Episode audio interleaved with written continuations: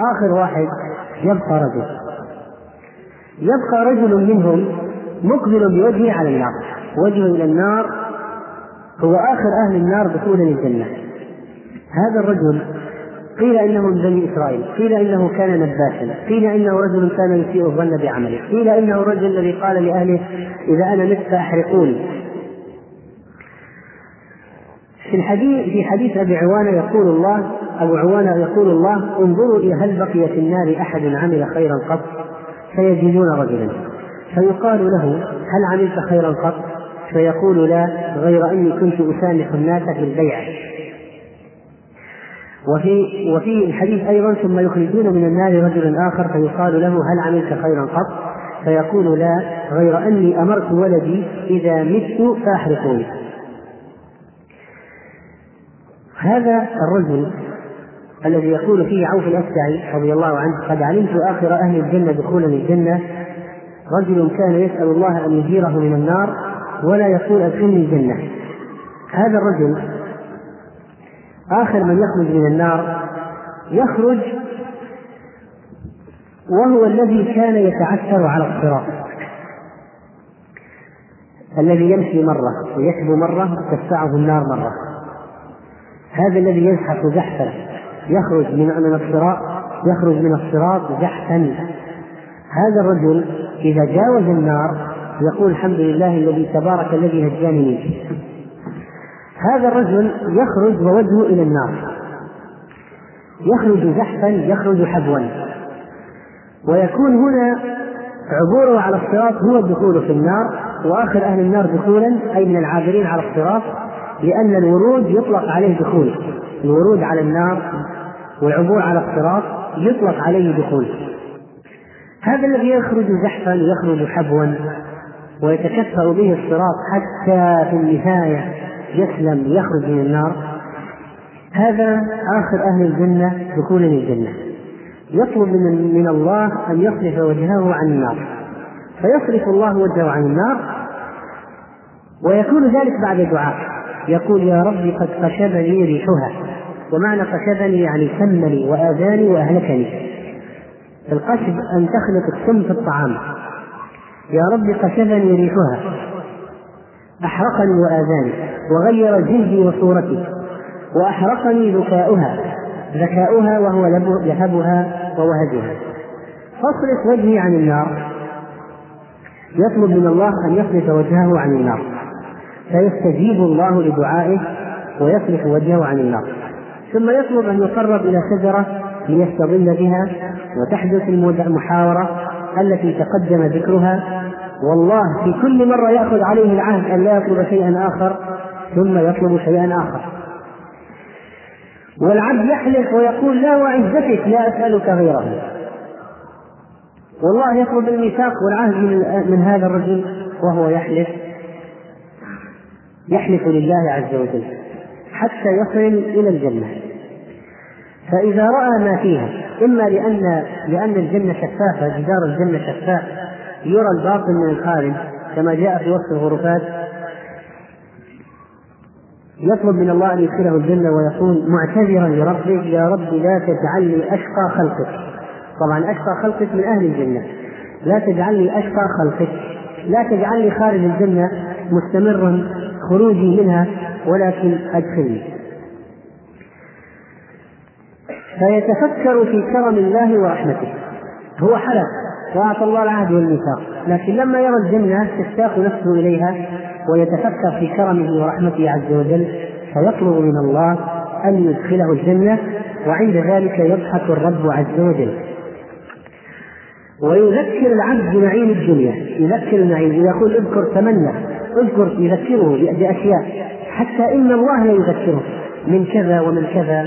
يذكره من الذهب ومن الفضة ومن اللباس ومن الحرير ومن الطعام ومن الشراب ومن البيوت ومن الحور العين يذكره الله عز وجل من النعيم.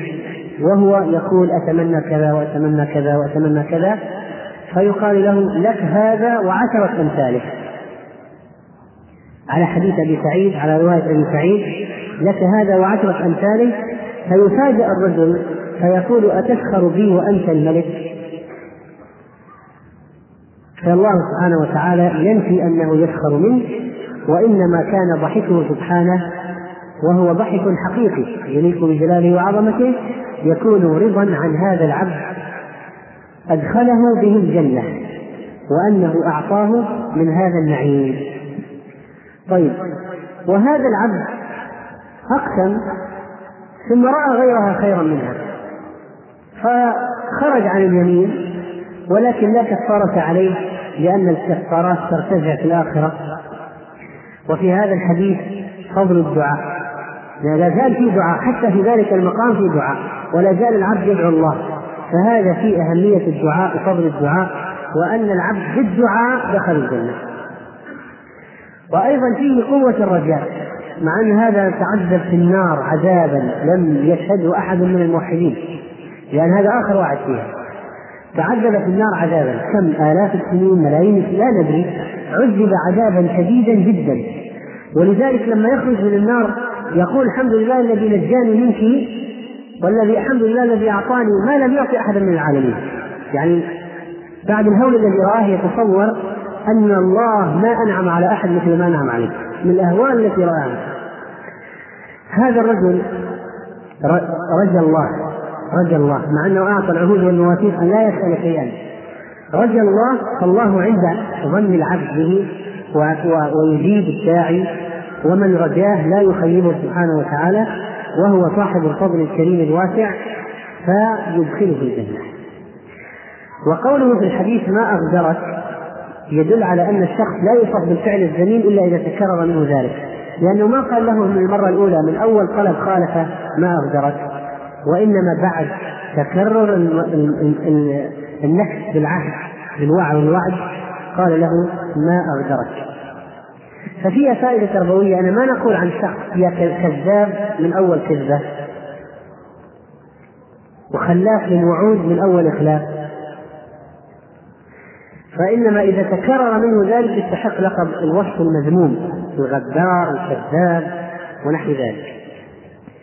والحديث أيضا يدل على ما طبع عليه الآدمي من الطمع والحيلة في التخلص من المطلوب. فأول شيء ما قال ادخلني الجنة؟ قال أبعدني عن النار أصرف وجهي عن النار. ثم أدنيني إلى الشجرة الفلانية ثم الشجرة التي أمامها ثم الشجرة التي أمامها ثم باب الجنة ثم يقول أدخلني الجنة. فتلطف للدخول. طلبا بعد طلب ومرحلة بعد مرحلة. وهذه صفات الآدمي التي شرفه الله بها الحيوان لأن لأن عنده فكر وعقل. وهذا الحديث مع أنه حديث يبعث الأمل في النفس لكنه أيضا حديث مخيف.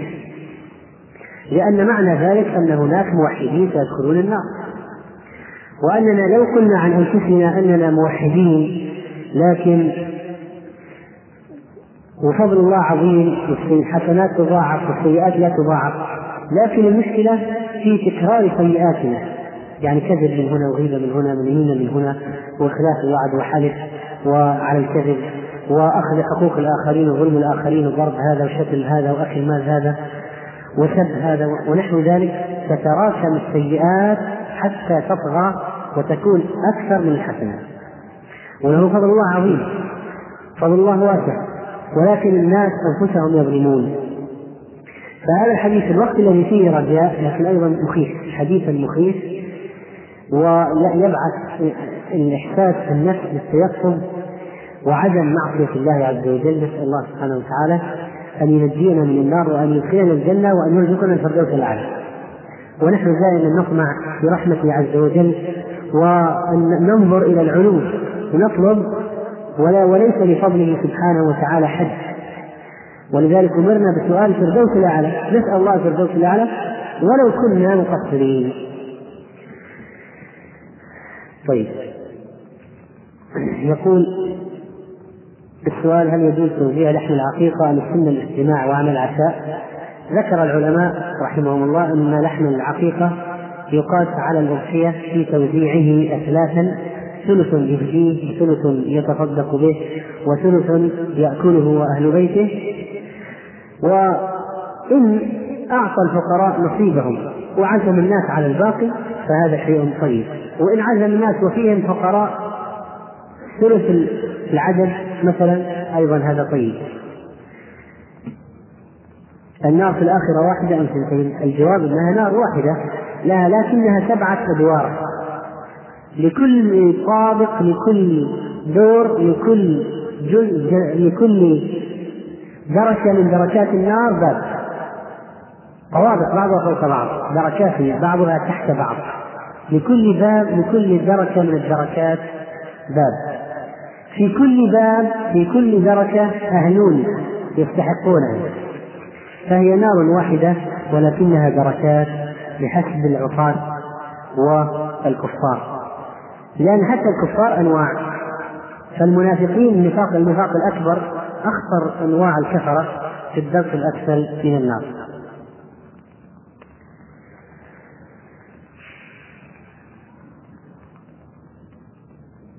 ما هي نصيحتك لنا في هذه الأيام؟ ويوجد الناس ناس ناس يشبعون والجار لا يجد ما يأكل.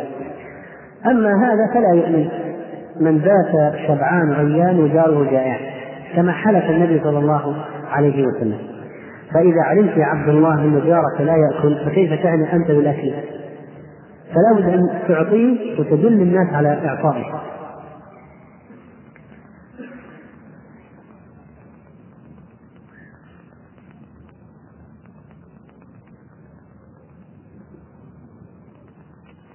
يقول هذا السؤال ما قول ما تفسير قوله تعالى ولا تلقوا بأيديكم إلى التهلكة دخل رجل في الروم لما كانت المعركة بين المسلمين والروم وكان بعض الصحابة موجودا انغمس فيهم.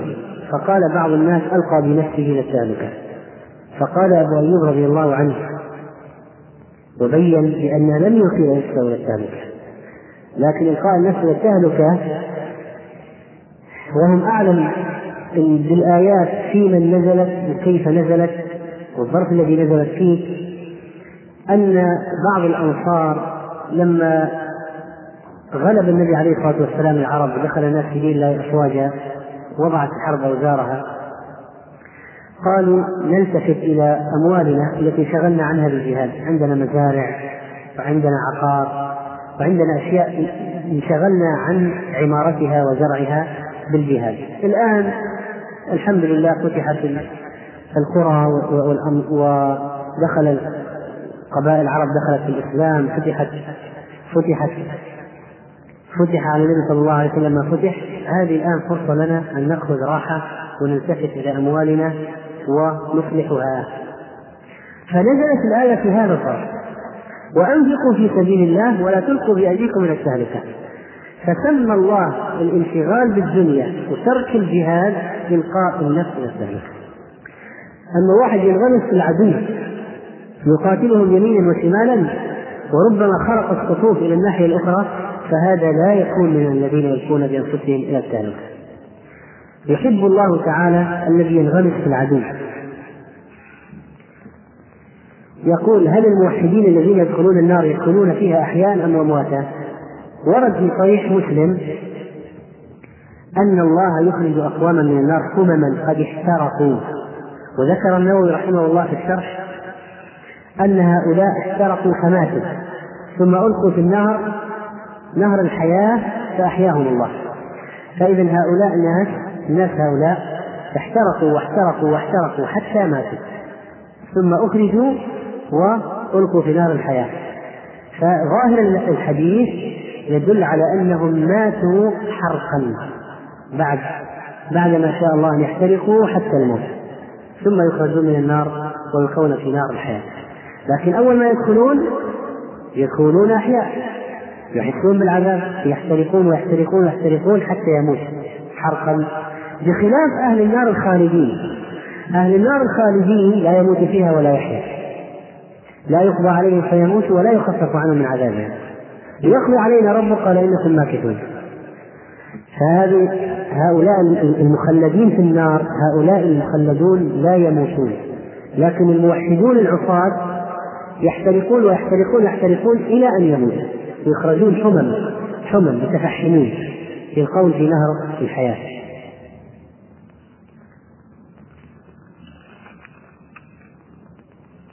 هذا رجل من باب الجنس أم رجل واحد فقط؟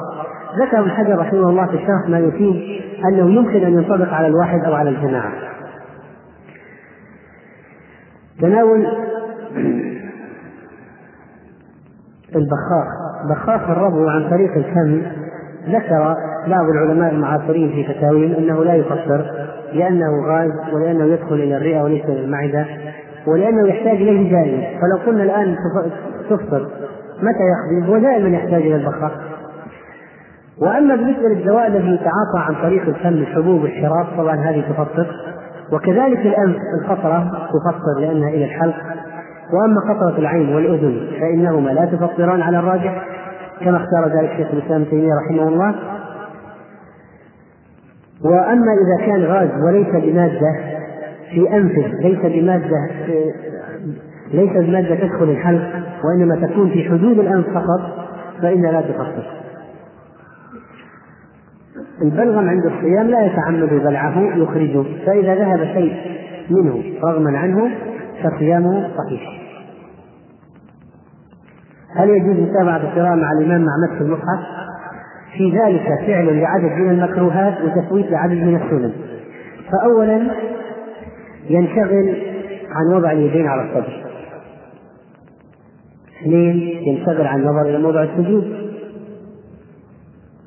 ثلاثة كثرة حركة فتح المصحف إغلاق المصحف إدخاله في البيت إخراجه من البيت وبعض الناس إذا سجد سجود التلاوة المصحف في يده سجد على ثلاثة أصابع. ثنتين تمسك المصحف ثلاثة. هذا سجود ناقص. يجب أن يكون السجود على كامل الأعضاء السبعة. فلذلك نظرا لما في هذه المحاذير ومن تفويت السنن فإن ترك ذلك هو الذي ينبغي على الإنسان وأن يسمع ويتابع بأذنه وسمعه وعقله ولا ينشغل بالحروف. ورسوماتها عن السماع والتمعن في الآيات.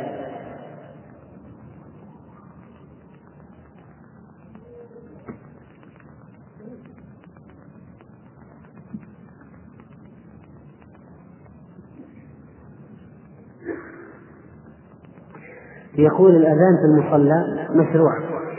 يؤذن في المصلى كما يؤذن يؤذن في المصلى حتى لو كان مصلى. وأما بالنسبة للمسجد إذا كان المسجد بعيدا بحيث لا يسمع الإنسان النداء في الأحوال العادية ويقصد الأحوال العادية لو كان المؤذن صيتا يؤذن على سطح المسجد والريح ساكنة ولا يوجد عوازل السامع حسن السمع فإن كان يسمع النداء فإنه يجب عليه أن يجيب. قد جرى الإمام أحمد رحمه الله بفرسخ. الفرسخ كيلومترات خمسة تقريبا. فإذا إذا كان المسجد قريبا يجب أن يجيب النداء ويذهب إلى المسجد. إذا كان المسجد بعيدا لا يسمع النداء فإنه يصلي في المصلى ويؤذن في المصلى. إنسان فاتته صلاة وتر حتى طلعت الشمس كيف يقضيها؟ يقضيها شفعا في النهار بعد ارتفاع الشمس. إذا قضاها قبل الفجر إذا قضاها قبل صلاة الفجر يقضيها وترا. إذا قضاها بعد ارتفاع الشمس يقضيها شفعا. فوردت السنة بقضائها شفعا بعد ارتفاع الشمس في الصباح في الضحى صلاها من النهار ثنتي عشرة ركعة وورد عن السلف قضاؤها وترا لكن بعد أذان الفجر أذن الفجر يقضيها وترا. وأما لأن الوقت انتهى وقت الوتر ينتهي في قول الجمهور عند طلوع الفجر. فإذا صلاها بعد بعد الأذان تكون وترا. وإذا صلاها بعد الضحى إذا طلع النهار يجعلها شفعا. فإذا كان أراد أن يصلي أحد عشر يصلي اثنتي عشرة ركعة في النهار. هل يجوز مصافحة بنت العم وبنت الخال إذا كانوا في منزل واحد؟ وما الفرق؟ يعني إذا كانوا في منزلين لا يجوز إذا كانوا منزل واحد يجوز. وما هذا التفريق وكيف يجوز أن يصافح لأنه في منزل واحد. فبعض الناس نتيجة العادات ونتيجة الإنس تكرر الرؤية والاحتكاك اليومي يتساهل. فلا يجوز مصافحة بنت العم وبنت الخال لأنهما ليستا من المحارم ويجوز له أن يتزوج به إذا مصافحته محرمة وقد ذكر النبي صلى الله عليه وسلم أن طعن الإنسان بمخيط في رأسه أهون من أن يمس امرأة لا تحل له.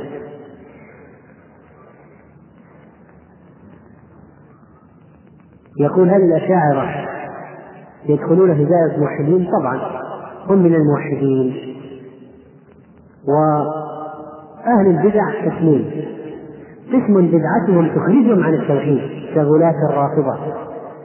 وكذلك الباطنية والجهمية. وكل من اتبع بدعة الدين كهؤلاء القاديانية والبهائية والآغاخانية من هذه الفرق التي الذين يعتقدون بالاعتقادات المكفرة كقولهم إن البهاء هذا باب الله ويأتي العلم من الله عن طريقه وإن فلان هذا أحمد التيجاني هذا أعلى مقام من النبوة من النبي وأن الأنبياء لم يختموا وأن القادياني نبي بعد النبي صلى الله عليه وسلم ونحو ذلك من الاعتقادات المكفرة أو أن الأئمة يعلمون ما في الغيب وأنه لا يموتون إلا باختيارهم وأن كلامهم وحي. فكل الاعتقادات المكفرة هذه تخرج صاحبها عن التوحيد وعن الملة. ويكون بالتالي إذا مات عليها بعد ما أقيمت الحجة عليه مات عليها يكون خالدا مخلدا في النار. لماذا لا يستدل بهذا الحديث على عدم كفر تارك الصلاة؟ بعضهم استدل بحديث القبضة على ذلك واستدل بعضهم كابن أبي جمرة رحمه الله بحديث الذين يخرجون يعرفون بمواضع السجود يخرجون من النار على أن تارك الصلاة لا يخرج لأنه ليس له شيء يعرف به حتى يخرج لأنه لم يكن يصلي ولذلك مواضع السجود لم يكن لم نكن من المصلين. ما سلككم في سفر قالوا لم نكن من المصلين. حديث الرجل الذي أوصى أهله أن يحرقوه. قد ذكر شيخ الإسلام رحمه الله تعالى في هذا الرجل أن أن الجهل قد بلغ به مبلغا جعله يعتقد أنه إذا يظن أنه إذا أحرق بعد الموت أن الله لا يبعثه فهو ليس موقنا موقنا بالبعث على كل حال وإنما عنده شبهة وجهل جعله يعتقد يعتقد أو يظن أنه إذا أحرق أن الله لا يبعثه فهو أراد لما أحس بنزول الموت أي طريقة للهروب من عذاب الله. فلذلك قال أحرقوني. ثم ذروني في يوم عاصف في البحر. فجمعه الله عز وجل وسأله ما حملك على ذلك فقال خشيتك يا رب. فإذا كان رجلا عنده خشية لكن عنده شبهة وجهل حالة خاصة. أما من يشك أن الله يبعثه هذا كافر. الذي يعلم الآيات ثم يشك أن الله يبعثه كافر. لكن هذا حالة خاصة رجل جاهل وعنده شبهة.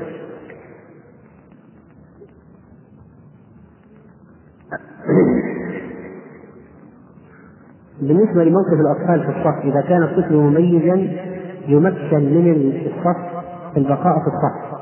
ولا يلي الإمام للحديث يلي منكم من الأحلام والنهى وأما الأطفال غير المميزين فإنهم يقطعون الصف فلا يمكنون من الوقوف في الصف. يضعه أبوه أمامه أو يضعه خلف أو يقيم مع أمه في البيت.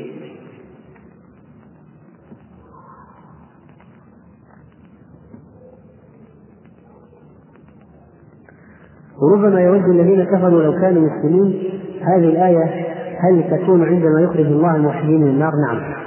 فيود عند ذلك الكفار لو أنهم كانوا من من المسلمين الموحدين ليخرجوا مع من خرج.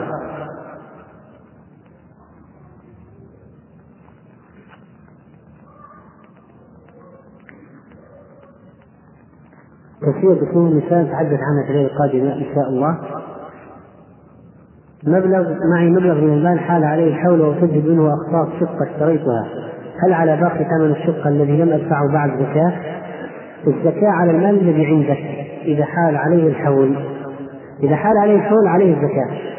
سواء سددت منه فيما بعد أو لم تسدد عليك الزكاة. لكن لو سددت قبل الحول فالزكاة في الباقي إذا بقي عندك باقي وحال عليه الحول فيه الزكاة. الذين تابوا إلى الله توبة نصوحا هؤلاء يغفر الله لهم بطبيعة حال يغفر الله لهم كما وعد عز وجل. المرأة الحامل التي لا تطيق الصيام أو عند التعب فقط أو خشي على جنينها كل ذلك تفطر يجوز لها أن تفطر من أجله وليس عليها إلا القضاء وأقرب شيء للحامل أن تقاس على المريض القضاء فقط. امرأة جاءتها العادة الشهرية ثم انقطعت قبل رمضان على عدد أيام عادتها أو زيادة ثم عادت ثم عارض نزول دم أسود في أول رمضان. العادة الشهرية معرضة للانقطاع والتقدم والتأخر والزيادة والنقصان معرضة للتقطع التقطع والاتصال عكس الاتصال. التقطع والزيادة والنقصان والتقديم والتأخير بحسب عوامل جسدية ونفسية. ولذلك لو رأت الدم في شهر سبعة أيام على عادتها ثم انقطع ثم رأت مرة أخرى بعده بأيام دم الحيض المعروف تتوقف عن الصلاة والصيام. ما لم تبلغ المدة مجتمعة كلها أكثر من خمسة عشر يوما. فإذا زادت مدة الدم المتقطع هذا عن خمسة عشر يوما رجعت إلى عادتها الأصلية وقضت الباقي واعتبرت النازل استحاضة واغتسلت وصلت وتوضأت في كل صلاة. وإذا صلت صامت.